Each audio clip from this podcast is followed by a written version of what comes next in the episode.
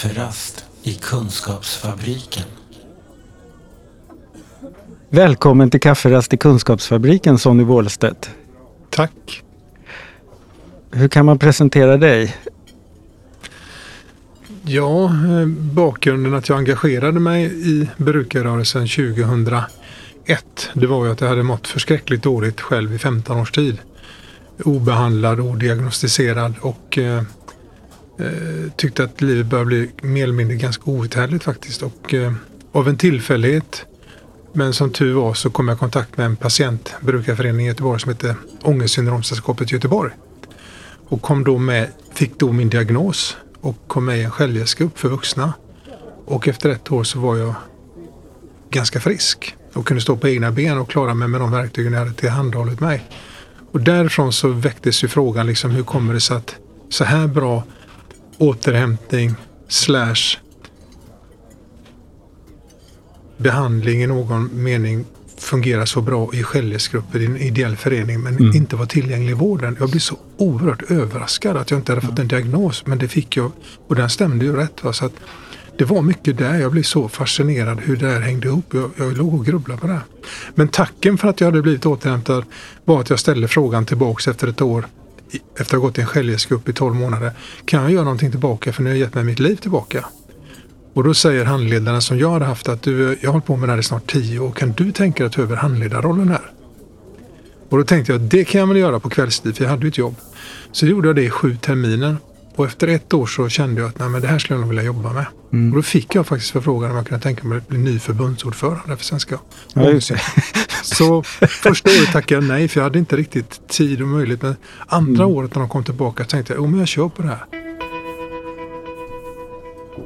Det är en väldig kraft i vad människor kan göra för varandra. Helt enkelt. Ja, det var en enorm känsla att plötsligt bli in, införlivad i mänsklig gemenskap. För jag hade ju, som jag tror ganska många andra också gör när man mår väldigt dåligt, att man eh, drar sig undan social gemenskap. Mm. Man skäms, man har mycket självstigma, män mer än kvinnor. Och jag hade aldrig vågat sätta ord på det här bland mina vänner och bekanta, de få jag valde ha kvar, orkade ha kvar för att jag var så rädd för vad som skulle hända om de fick reda på att jag var psykiskt sjuk mm. inom citationstecken. Så att få komma in i mänsklig gemenskap kommer jag ihåg som att även om inte den här självhjälpsgruppen funkar på mig, för jag visste ju inte vad det skulle innebära, så tänkte jag att bara det att de har någonting som heter öppet hus varje torsdag för drabbade 18 till 21, det räcker för mig resten av livet. Att jag mm. bara vet att jag kan få komma dit och vara bland människor. En gång i veckan? En gång i veckan. Och sen så. fick du mycket mer egentligen? Ja. ja. Idag är jag oerhört tacksam att jag fick syn på den där lilla annonsen i gula sidorna i telefonkatalogen. För det här var innan datorernas ja, genombrott. Så. Mm. Men idag så är det ju inte bara så att du har jobbat för Ångestsyndromsällskapet utan du är ju djupt engagerad och involverad i, i sånt som alla våra brukarorganisationer jobbar med inom NSPO-familjen. Och du har din bas i Göteborg och Västra Götaland. Vad är det ni har lyckats bygga upp här? Ja, det var ju också lite grann det där att plötsligt så kändes det som att jag trampade till på ett bananskal. Jag hade ju aldrig liksom haft någon koppling till området psykisk hälsa i någon mm. professionell mening eller ens som patient. Så det var en helt vit fläck på kartan. Men i det att de ställde frågan till mig, den blev ungefär så här, vad har du gjort innan då? Ja, så jag har ju jobbat en del med intressepolitik och föreningsliv, men det är ju några år sedan. Och då var det ingen som hade gjort det. Mm. Och det var det som de kom med stöd, stödfrågan. Kan inte du bli förbundsordförande? Honom ska vi ha. och eh, där var det väl så här att jag hade stor nytta av att jag hade tidigt i livet, vid 15 års ålder, aktiverat mig politiskt. Mm. Och lärde mig det här tidigt i livet, ungefär som man tänker att man lär sig cykla. Det sitter i på något sätt om man lär sig tidigt. Va? Så jag hade nog ändå hållit på med det till jag blev 30 bast, i 15 år och satte fyra styrelser, två arbetsutskott. Så det var någonting som jag hade ändå gjort och, och tyckte väldigt mycket om. Mm. Så plötsligt så fanns det en arena för mig där jag kunde komma tillbaks ja, till ett sånt liv som jag hade älskat och uppskattat att verkligen i samvaro med andra människor göra utvecklingsarbete kring intressepolitiska frågeställningar eller solidaritetsarbete och sådär. Så för mig var det liksom en ynnest att få liksom få betalt för att göra, på, göra det här jobbet. Så det var där det började och samtidigt så var det så att det kom med psykiatrisamordningen, Miltonutredningen 2004-2006 och i det så blev det som en sjösättning att komma tillbaks till det som en gång hade gjort mm. så pass mycket. I samband med Milton där då 2004 till 2006 så började ju det som sen blev NSBO-nätverket mm. och då eftersom du var ordförande i Ångestsyndromsällskapet så hamnade du liksom på en nationell samverkansarena då plötsligt också. Ja, precis.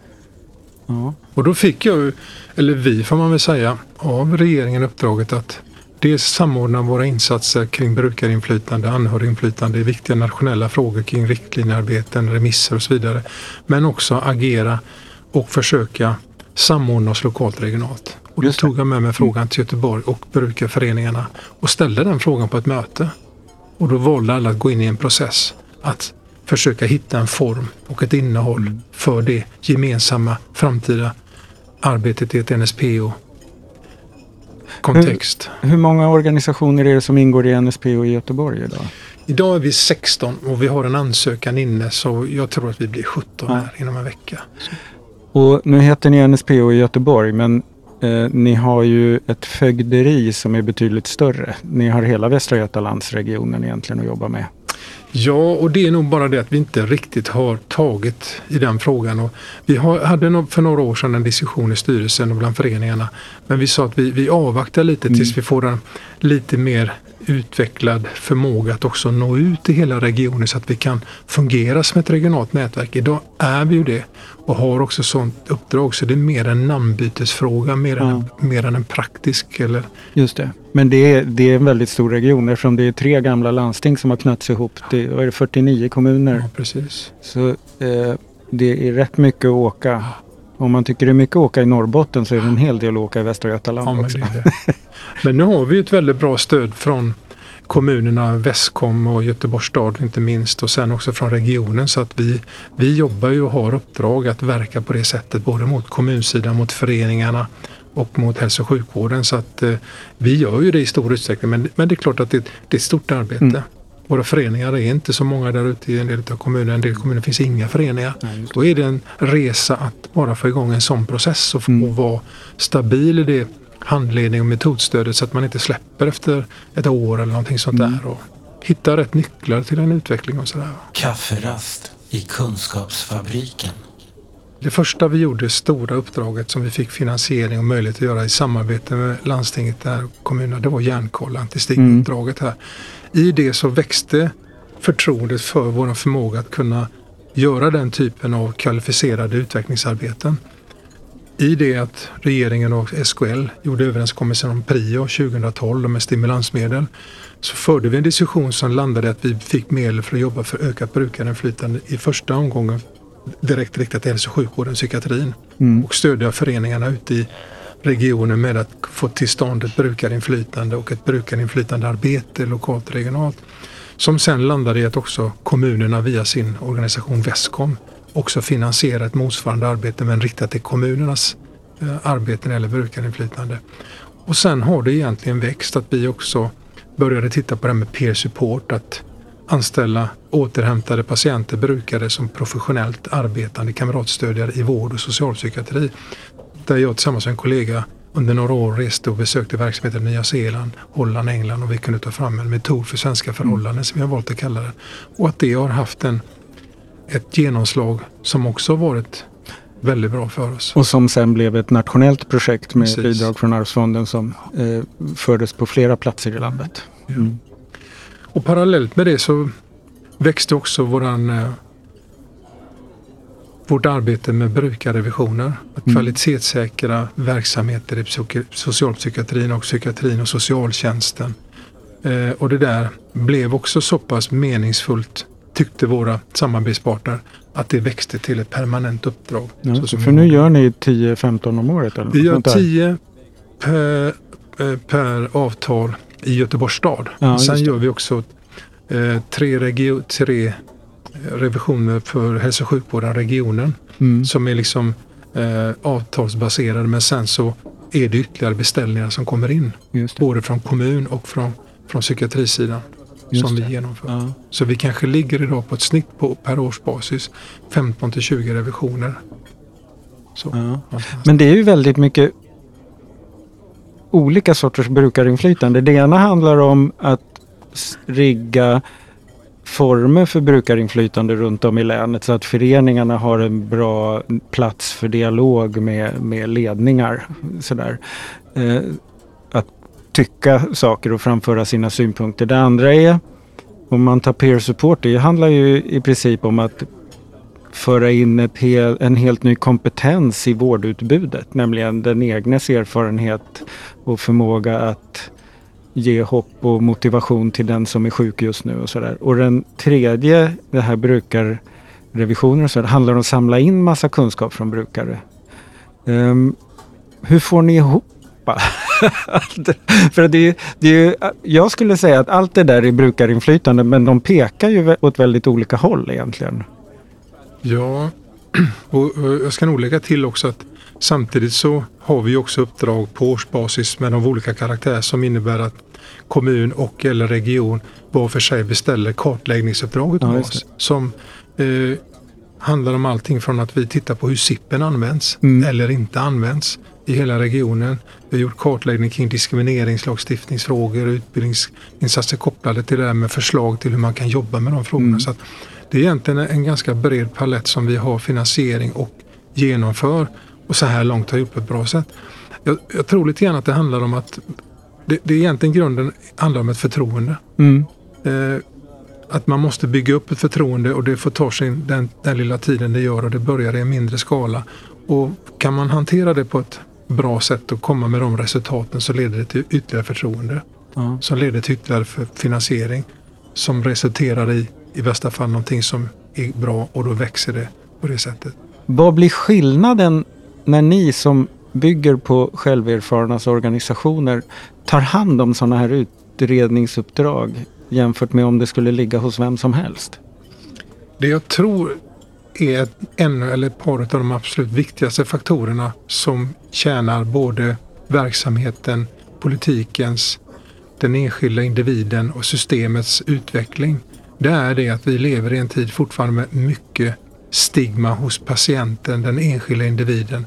Vi har fortfarande mycket samhällelig omgivande stigma i form mm. av arbetsgivare, eh, grannar, andra. Det vet vi genom attitydundersökningar. Och i det att det är själverfarna som gör och äger och producerar de här stora och ganska kvalificerade processerna så skapar det ett mervärde i att det förändrar synen på människan som psykisk mm. ohälsovarelse faktiskt. Så att det är inte bara det att vi tar reda på saker utan vi kan också i, i den stund just vi går ut för att ta reda på saker så börjar vi förändra någonting också.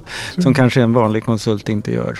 Och ibland kan det vara den största effekten faktiskt, den viktigaste. Ja. Både i det när vi träffar personer som har en psykisk ohälsa, allvarlig situation som har tappat hoppet eller kämpat i många år och inte känner att det finns någon väg framåt och så möter de någon som har varit där mm. på precis samma allvarlighetsgrad men nu står här.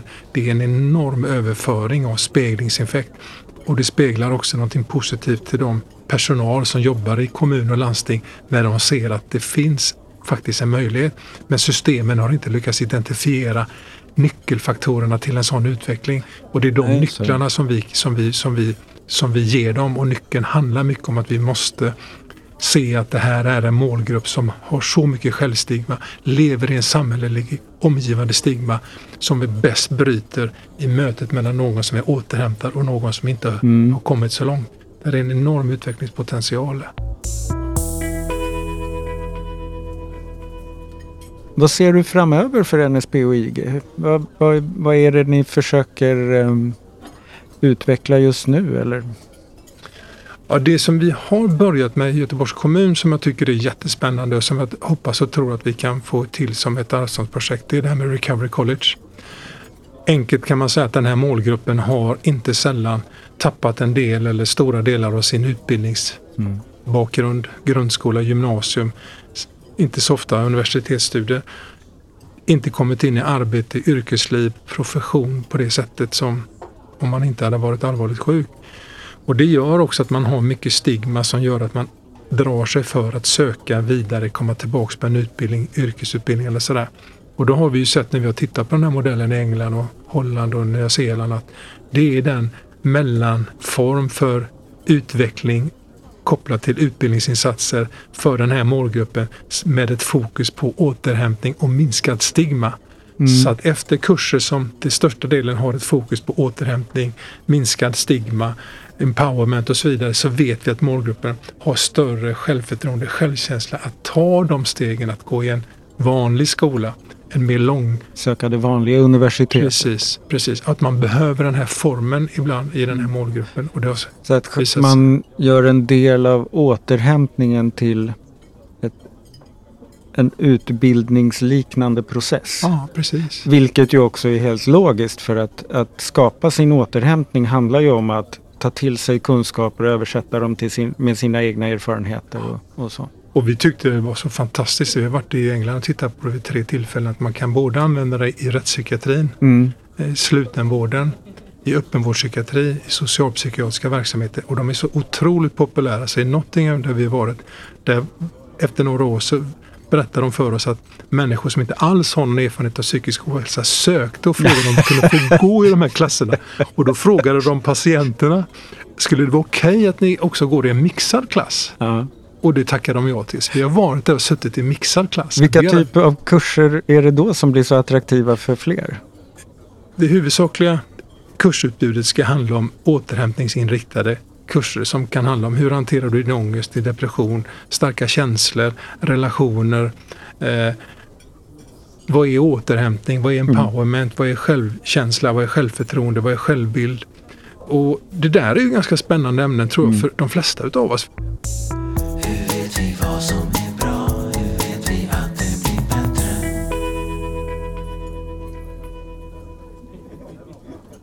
andra som vi har som jag hoppas mycket på det är att vi har också varit i en stad som heter Utrecht i Holland mm. ett par tillfällen. Och där har man kommit så långt med brukarinflytandet så att man har i den lite mindre staden två så kallade recovery center. Brukarstyrda aktivitetshus. Okay. Som omfattar både utbildning, handledning av de peer supportrar som finns i verksamheten i staderna. Recovery College man har en daglig träffpunktsverksamhet för målgruppen när den är som sämst med lite kaféverksamhet. Man har lite djurhållning. Man har krisboende, korttidskrisboende mm. där någon hamnar. En slags mellanvårdsform ja, nästan. Men sen har man också ett antal rum för stadens vanliga universitetsstudenter som får lite billigare hyra mot dem, att de ingår i en större socialiseringsprocess ja, ja. för målgruppen i sin vardag. De är kontext. Ja, precis.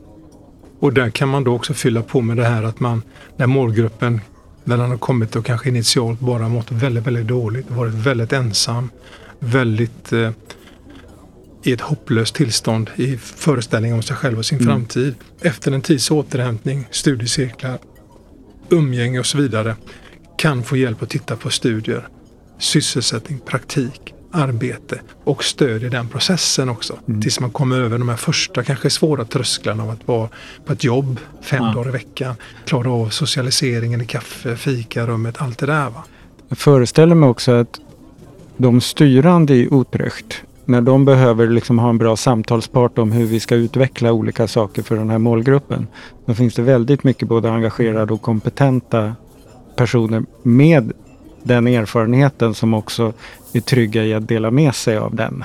I en slags konstruktiv Och de blir ju en enorm speglingseffekt till mm. lokalsamhället. Det blir en sån uh, attitydförändrande dimension i det här arbetet. Just det. I Så. hela stadens ja. kultur ja. egentligen. Så att uh, det mm. har vi inlett en första dialog med Göteborgs stad och vi hoppas att okay. vi kan gå i hamn en sån.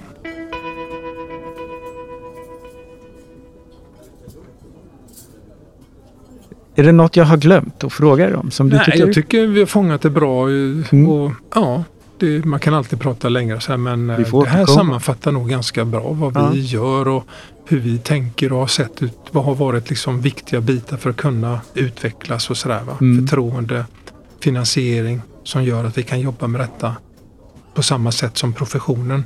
När de ja, jobbar med de här frågorna. Fast med då med... Inte heller jobbar ideellt utan de Nej, har ett kontor de har en arbetsplats, de har en dator, de har en lön.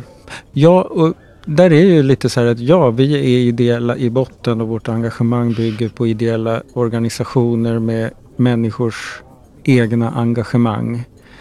Men för att kunna göra dem, ta vara på det, så behöver vi ju faktiskt vanliga, precis vanliga resurser. Vi behöver också datorer och eh, fackklubbar och massa sådana saker som är, gör oss till riktiga arbetsplatser. Vi kan ju inte bli något slags...